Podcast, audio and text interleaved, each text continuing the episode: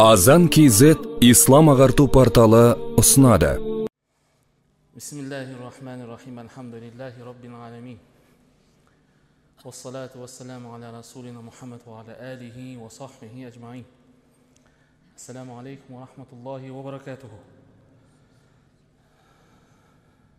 біз сіздермен жалпы рамазан айына дейін егер сабаққа қатысқан болсаңыздар пайғамбарымыз мұхаммед мұстафа саллаллаху алейхи уассаламның өмір баянына қатысты сирасына қатысты дәрістер беріп келген болатынбыз жазда демалдық анау болды қажылық болды басқасы болды сонымен осы күнге келіп жетті бұдан бастап құдай қаласа аптаның әр бейсенбі күні ақшам мен құптан намазының арасында пайғамбар саллаллаху алейхи уассаламның өмір баянына қатысты дәрістер топтамасын өткізетін боламыз біздің ең соңғы келген тақырыбымыз пайғамбар саллаллаху алейхи уассаламның меккеден мәдинаға хижрат жасау. Сол хижреттегі хикметтер мен үкімдер жайлы қозғағанбыз. Және пайғамбарымыз мұхаммед мұстафа саллаллаху алейхи уассаламның мәдинаға қоныс аударғаннан кейін яғни хижрет жасағаннан кейін жасаған маңызды үш ісі болған. Үшеу.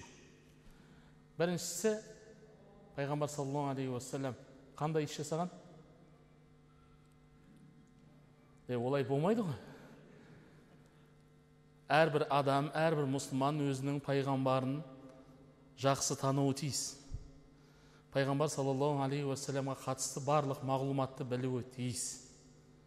Мәселен сіз біреуге ғашық болсаңыз оның ата тегін ол қай жақтан келген білмейсіз ба ә, бірінші мешіт салған мәселен сіз өз әйеліңіздің шешесін енеңізді білмеуіңіз мүмкін ба а мүмкін емес балдыздарыңды немесе қайындарыңды білмеуің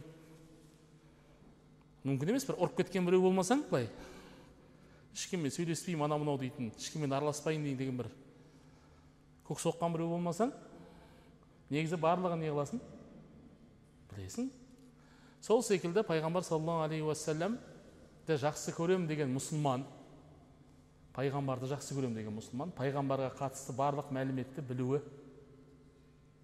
керек. Тәртібі солай.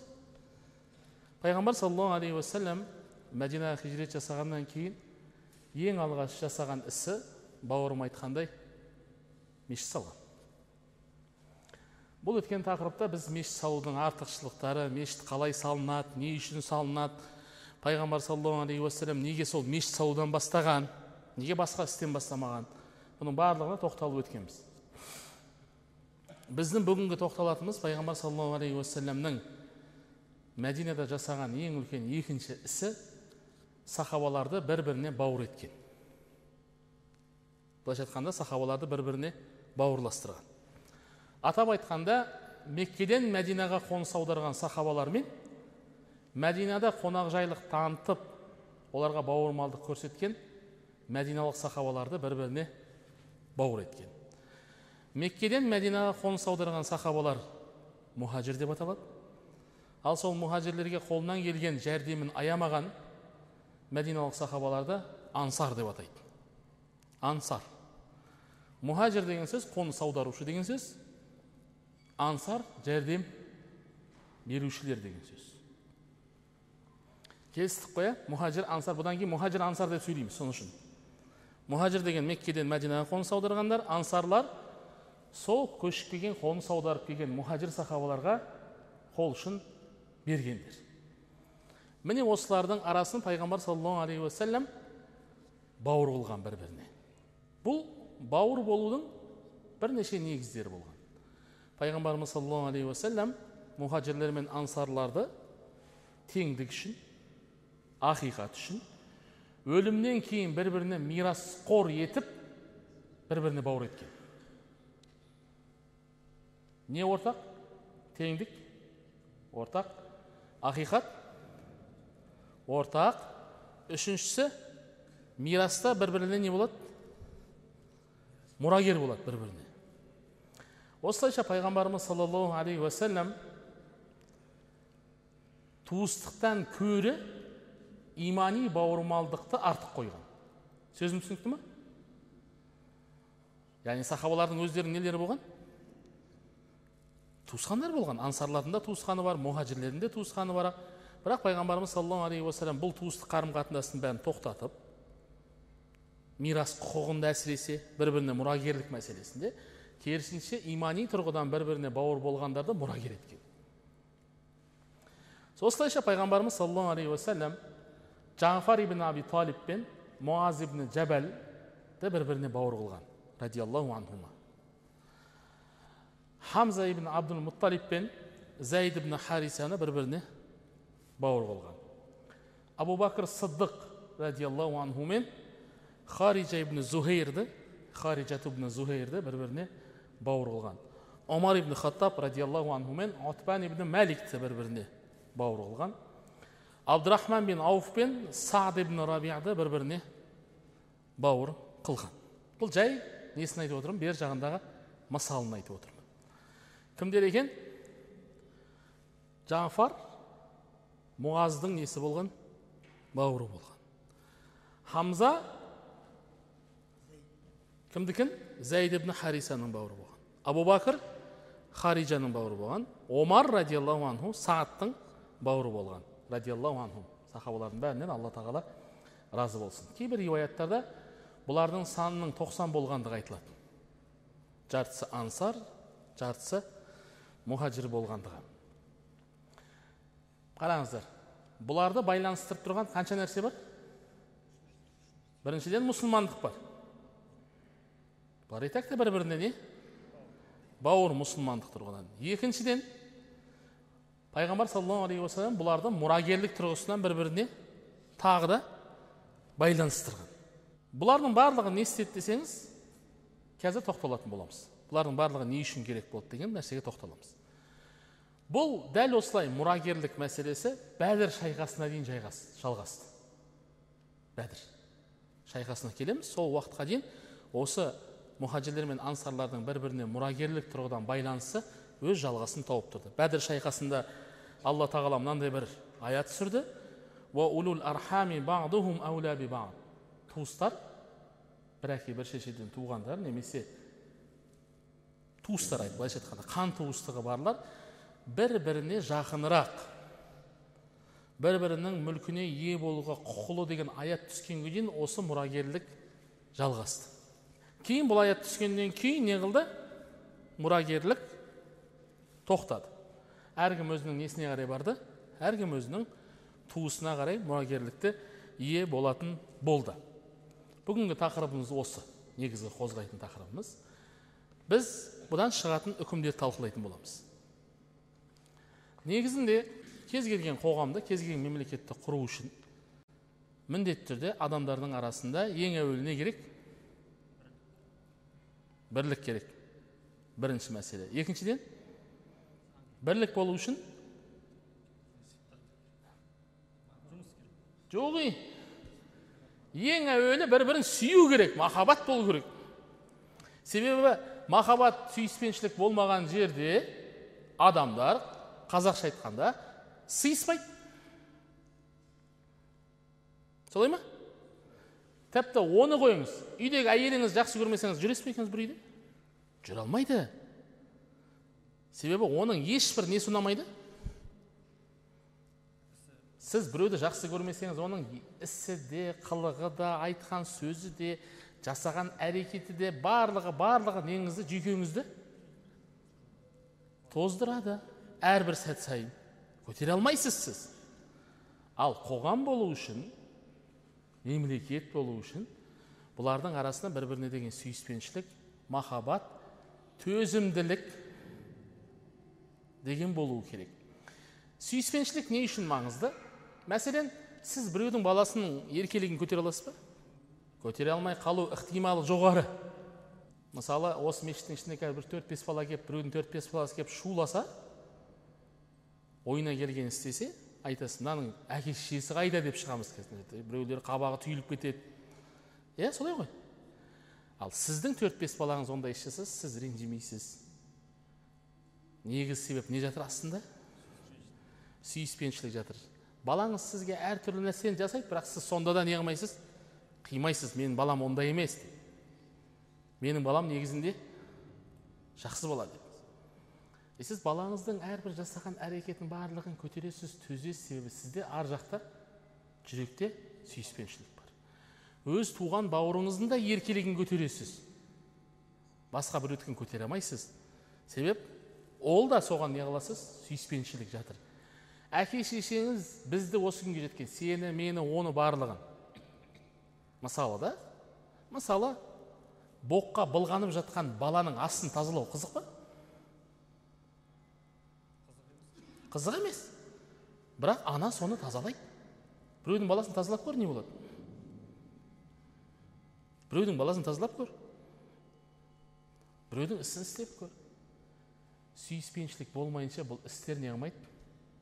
Алға баспайды. Қоғамда да ең әуелі не болу керек? Сүйіспеншілік болу керек. Содан соң сіз айтқан бірлік болу керек. Содан сіз айтқан бауырмашылдық болу керек. Бұл сахабаларды естеріңізде болсын ең әуелі басын біріктірген нәрсе иман болған. Және қараңыз иман болғаннан кейін пайғамбарымыз саллаллаху алейхи уассалам бұл тек қана мен сені жақсы көремін дегенмен шектелмесін. Және несі болсын бұның? Материалдық тұсы болсын деп көздеген. Түсіндіңіз мынау мынау сөз айту оңай. Мен сені жақсы көремін сен мені жақсы көресің ба иә сені жақсы көремін бұның барлығы не? Сөз. Ал бұның артында сен мүлкіңе сенің мүлкіңе артында қалған дүниеңе мұрагер болып қалады деп айту сондай бір үкім қалыптастыру тек қана жай неден тұрмайды? Жай сөзден тұрмайды. Оның артында несі бар? Үлкен жауапкершілігі бар. Себебі ол тек қана саған жай ғана күнделікті сен бауырымсың мен сенің бауырымсың емес тек қана. Бұның артында үлкен не бар? Жауапкершілік бар бұл бірінші мәселе дедік кез келген қоғамда махаббат сүйіспеншілік бірлік ынтымақ бауырмалдық болмаса ол мемлекет қоғам қалып таспайды кез келген мемлекеттің негізгі тірегі біздің елде де айта беретіні ел тиіш болсын бірлік болсын бірлік болса тірлік болады ынтымағымыз жарысып ұйысқан ел болайық деп айта беретін себебі сол. Ал бұл бірліктің болу үшін ең әуелі не керек? Иман керек. Бір біріне деген сүйіспеншілік махаббат керек. Содан кейін ғана барып сіз оған төзе аласыз сіз оның жасаған әрекетін көтере аласыз. Оны бір мұсылман бауыр ретінде тек мұсылман болмаса да адам ретінде оған не қыла аласыз? Қарай аласыз. Бұл бірінші мәселе. Пайғамбар саллаллаху алейхи уассалам айтып өткеніміздей бұлардың барлығын имани тұрғыдан бір біріне бауыр қылды. Не үшін маңызды имани тұрғыдан бір бірімізге бауыр болу? Себеп бір аллаға құлшылық қылатын бір алланы жалғыз тәңірім деп білетін адаммен тасқа табынып жүрген адам екеуінің бір жерде болуы немесе бір мәселені талқылаулары не емес почти мүмкін емес солай ма қиындау мәселе. Бір ә, мәселе жөнінде бас қосулары бір мәселені алға алып жүрулері бір жобаны соңына дейін жеткізулері не емес оңай? Емес. Мәселен сіз біз мұсылманбыз. Альхамдулилля. Басқа бір мұсылман емеспен жүріп қалсаң кәдімгідей қиын. Мұсылман емес мемлекетке барсаң тегі қиын. Себебі сен түсінетін адам жоқ. Намаз оқиын десең сен кімге керексің? Дәрет алатын жер бар ма деп сұрасаң сен сәл. Деп ойлайды рас халал кафе бар ма десең тағы проблема тамақ жеу. Тағы бір проблема. Намаз оқу. Келесі бір проблема дәрет алатын жер табу. Тағы бір проблема. Ал мұсылмандар көп болған жерде сіз бұндай проблемалардың ешқайсысын көрмейсіз.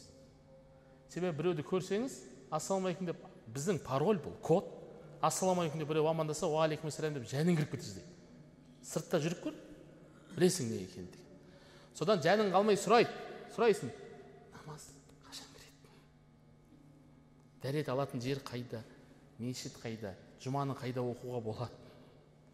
Мына маңайда мешіт бар ма районда? Бұлардың барлығы жай нәрсе болып көрінгенмен өте маңызды нәрселер.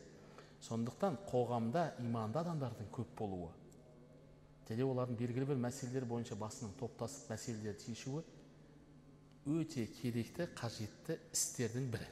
Сол үшін пайғамбар саллаллаху алейхи уассалам бұларды бір біріне не қылған бауыр екінші мәселе. Екінші үкім шығатын хикмет. Кез келген қоғам бір біріне жәрдем бермесе қоғам мүшелері мемлекетте тұратын азамат пен азаматшалар бір біріне жәрдем бермесе ол мемлекет ұзаққа бармайды. Түсіндіңіз ба? Мәселен мемлекет пенсия береді айлық береді басқа береді қолына келген бәрін жасайды. Бірақ бұдан тыс адамдардың өзінің арасында не болу керек? Өзара жәрдемдесу өзара көмектесу деген фактор болуы керек. Егер бұл болмаса мемлекет бұның бәрін алып жүре алмайды. Мәселен бір мұсылманға жәрдем беру маңызды ма? Жағдайы жоқ мұсылманға жәрдем беруіміз өте маңызды іс па? Маңызды іс. Біреу больницаға ауруханаға түсіп қалса оның жағдайын қарайласып ең болмаса жағдайын сұрап көңіл айту маңызды іс па? Маңызды. Іс күнде таңертең өтіп бара жатқанда есіктің алдында жатқан шашылып жатқан заттарды жинап кетіп ешкімге зарары тимесін деп істеу. Маңызды іс па? Маңызды іс біреу қаражат жетпей осы жерге жете алмай жатыр екен соған жәрдем берейік баратын жеріне жетіп алсын деп көмектесу маңызды іс па? Маңызды іс бұның барлығын өкімет аңдып жүрмейді кім бейшара қалып кетті жолда? Кім больницаға түсіп қапты кім жейтін нан жоқ екен бұның барлығын ол аңдып жүрмейді және оған несі де жетпейді оның әлеуеті де жетпейді ол жерде тұрғанда да адамдар олар ұйықтайды оларда жұмысы бар олардың да несі бар бала шағасы бар демек бір қоғам қалыптасу үшін өзара жәрдемдесу өзара көмектесу деген нәрсе міндетті түрде болуы керек. Пайғамбар саллаллаху алейхи уассалам сондықтан бұларды бір біріне не қылған. Бауыр қылған. Бір біріне жәрдем беретін етіп қойған. Мұсылман білесіздер мұсылман мұсылманның несі? Бауыры. Бұл әшейін айтылатын сөз емес. Бұны біз бәріміз айтамыз. Мұсылман мұсылманның несі? Бауыры деп. Қараңыз. Пайғамбар саллаллаху алейхи уассалам мына арабтар бар ғой сахабалар араб қой көпшілігі не болды араб болды рас па рас бұлар әртүрлі неден еді рудан болады арабтар тура біз секілді біз қазақтарға қатты ұқсайды мен найманмын сен керейсің сен арғынсың мен жалайырмын жоқ мен дулатпын деген не көп әңгіме көп пайғамбарымыз саллаллаху алейхи уассалам сахабаларды меккеден мәдинаға қоныс аударғаннан кейін осы ұғымдардың барлығын жою үшін бір біріне бауыр қылған сендерді байланыстырып тұрған нәрсе не? Иман. Бұның барлығы не? Ешкімге ешқандай пайдасы тимейтін зат. Дүниеде де неде ақыретте де себебі өз руымен мақтану ақымақтық. Неге? Себебі түбіміз бәрібір кімге тіреледі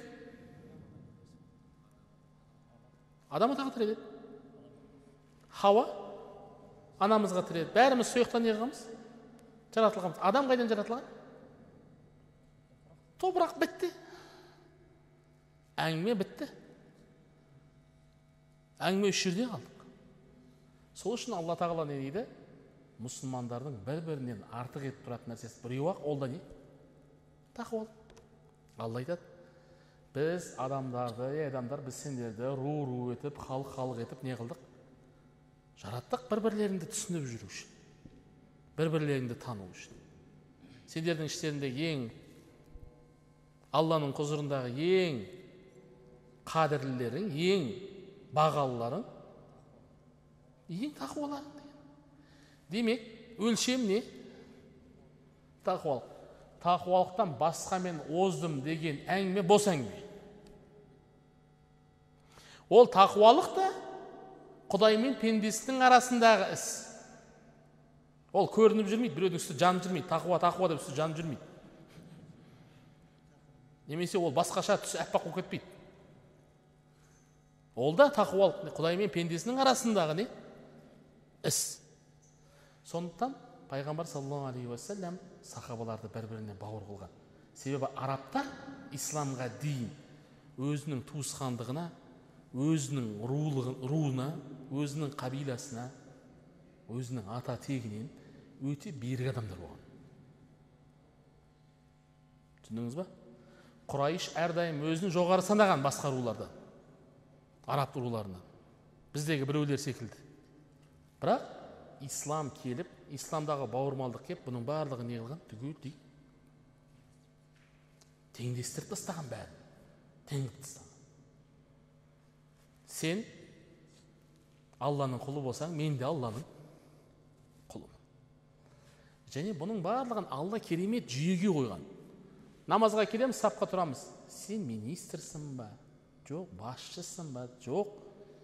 Есік алдын сыпырып жүрген сыпырушысың ба? Жоқ. Тәшки теріп жүрген базадағы біреусің ба? Қызық емес.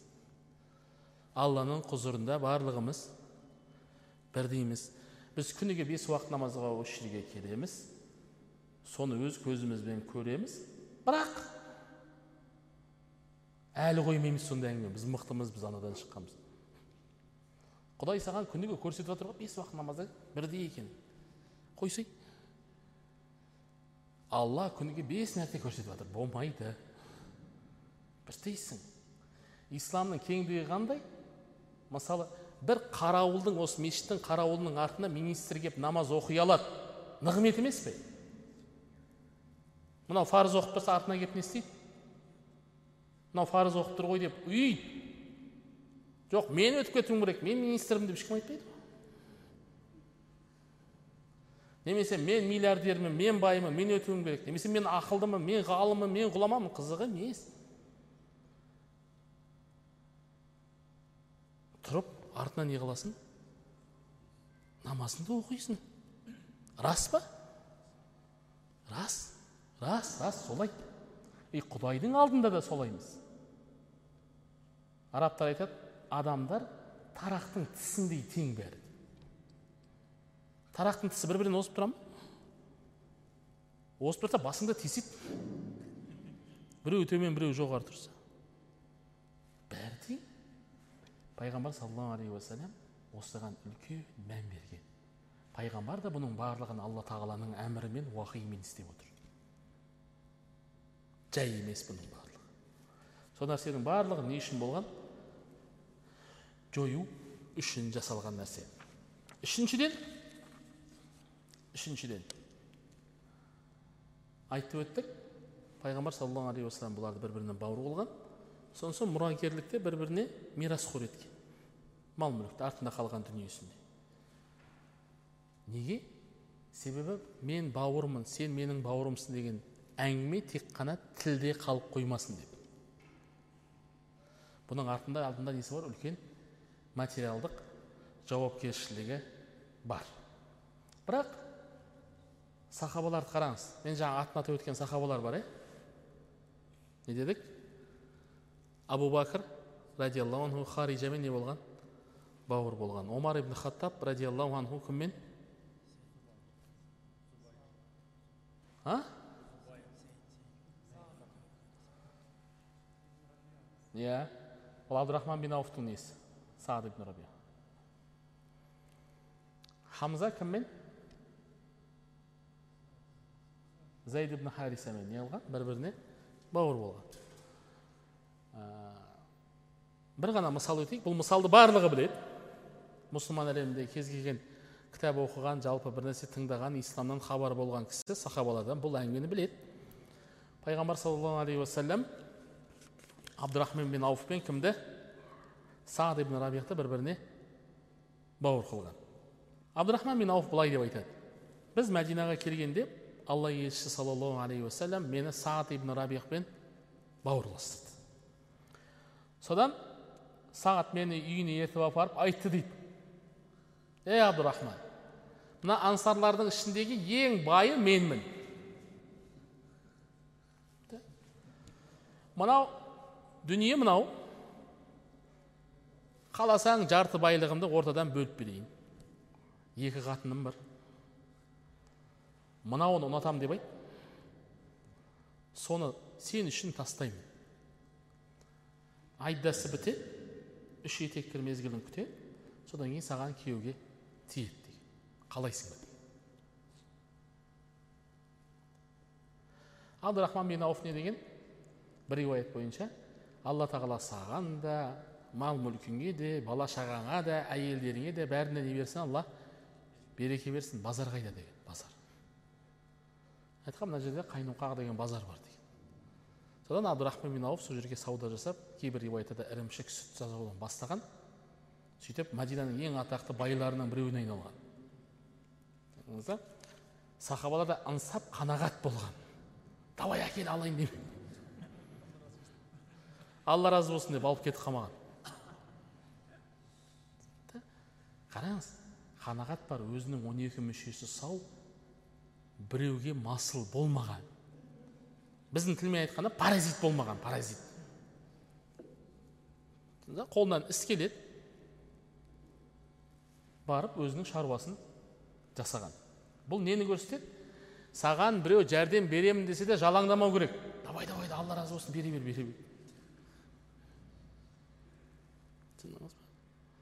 Басқа бір риуаятта ансарлар пайғамбар саллаллаху алейхи уассаламға жиналып келіп айтқан. Қара қандай адамдар иә? Қандай мейірбан қандай? Біздің қазір заманда айтсаң логика алмайды оны. Мына мұсылманшылықты білмейтін адамдарға айтсаң ой мүмкін емес олай бірақ солай болған. Ансарлар жиылып келіп пайғамбар саллаллаху алейхи сен біздің құрмаларды білесің ғой деген құрма бауларын. Жартысын мыналарға берсей деген мұхажірлерге берсейші деген пайғамбар саллаллаху алейhi айтқан жоқ деген. Ансар айтқан онда бізге көмектессін құрма қарауға құрманың күтіміне көмектессін. Біз оларды өнімнің жартысына ортақ қылайық деген. Пайғамбар саллаллаху алейхи уассалам ансардың бұл ұсынысына қарсы шықпаған ансар қараңыз айтып тұр ортақ қылайық деп тұр жартысын берейік деп тұр пайғамбар не деді? Жоқ деді. Ансар тағы да екінші мүмкіншілік ұсынып жатыр бізге күтімге жәрдем берсін онда. Біз өнімге не қылайық? Ортақ қылайық. Мына жерде мынандай мәселе бар. А өздері жоқ деді ғой болды а болды кеттік. Емес. Біз ұсыныс жасадық па ұсыныс жасадық. Өздері не қылмай қойды? Қабыл етпей қойды демеген. Не істеген? Тағы да бір мүмкіндіктің есігін ашқан. Онда не қылайық? Бізге бір жәрдем берсін біз оған не қылайық?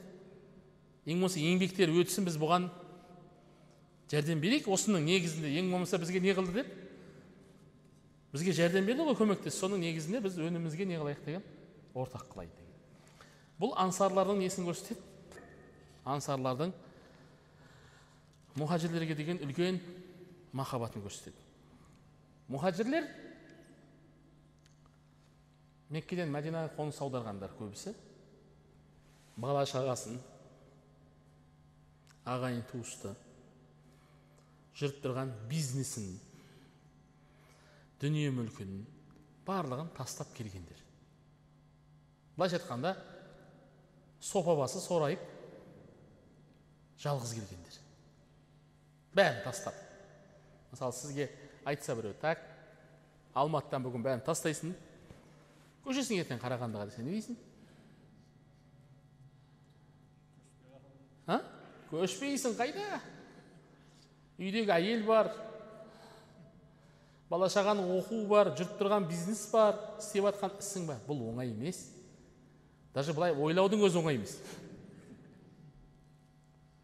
Бұны жүзеге асыруды ойла сәл былай. Ойлаудың өзі не? Ойлаудың өзі біраз жұмыс. А түгің жоқ болса кете бересің рахат сен кім керексің? Бойдақ жалғыз жүрген бейшара жалаң аяқ студент болсаң не қыла бересің? Маған бәрібір нан тауып жесем болды деп кете бересің. Бұл жерде әңгіме олай емес. Әңгіме кәдімгідей үлкен әңгіме. Ағайын туыстан кетіп барасың өзің атамекеніңді тастап барасың жүріп тұрған шаруаны тастап баратсың үйді тастап баратсың. Сен ол жақта кім күтіп тұрғанын да нақты білмейсің ол жақта сенің жағдайың қалай болады оны да білмейсің. Соның барлығын тастап мұхажирлер барған. Сол ниет ықыластары үшін алла тағала оларға ансар деген бауыр берген. Құдай үшін жасаса құдай да оның ісін не қылады? Реттейді. Оларға өздерінің ағайын туыстарынан кем емес ансар деген бауырлар берген. Олардың меккедегі ешбір туысы айтпаған шығар мә дүние мүлкім жартысын ал деп. Қанша туысқан болса да. Бірақ мәдинада дүние мүлкімнің жартысын ал деп айтатын алла оларға бауырлар нәсіп етті. Шығатын қорытынды сіз құдай үшін бір іс істесеңіз құдай сізді ешнәрсесіз қалдырмайды қалған барлығын өзі реттеп сенің жағдайыңды бұрынғыдан артық етпесе кем қылмайды. Себебі сен біреу үшін бір ағаңның артынан астанаға бір үлкен қызметте отырған ағаң бар шақырса. Барасың ғой? Айтса так ананы беремін мынаны беремін мынаны істейсің мынаны істейсің деп. Дұрыс па? Барасың. Барғаннан соң соны не қыласың?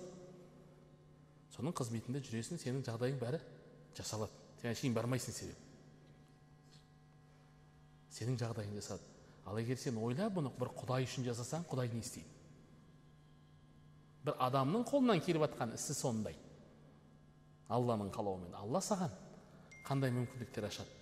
Сен оны көп біз біле бермейміз. Сондықтан сахабалар меккелік сахабалар мұхажирлер алла үшін хижрет жасаған алла да олардың үлкен сыйын дайындаған.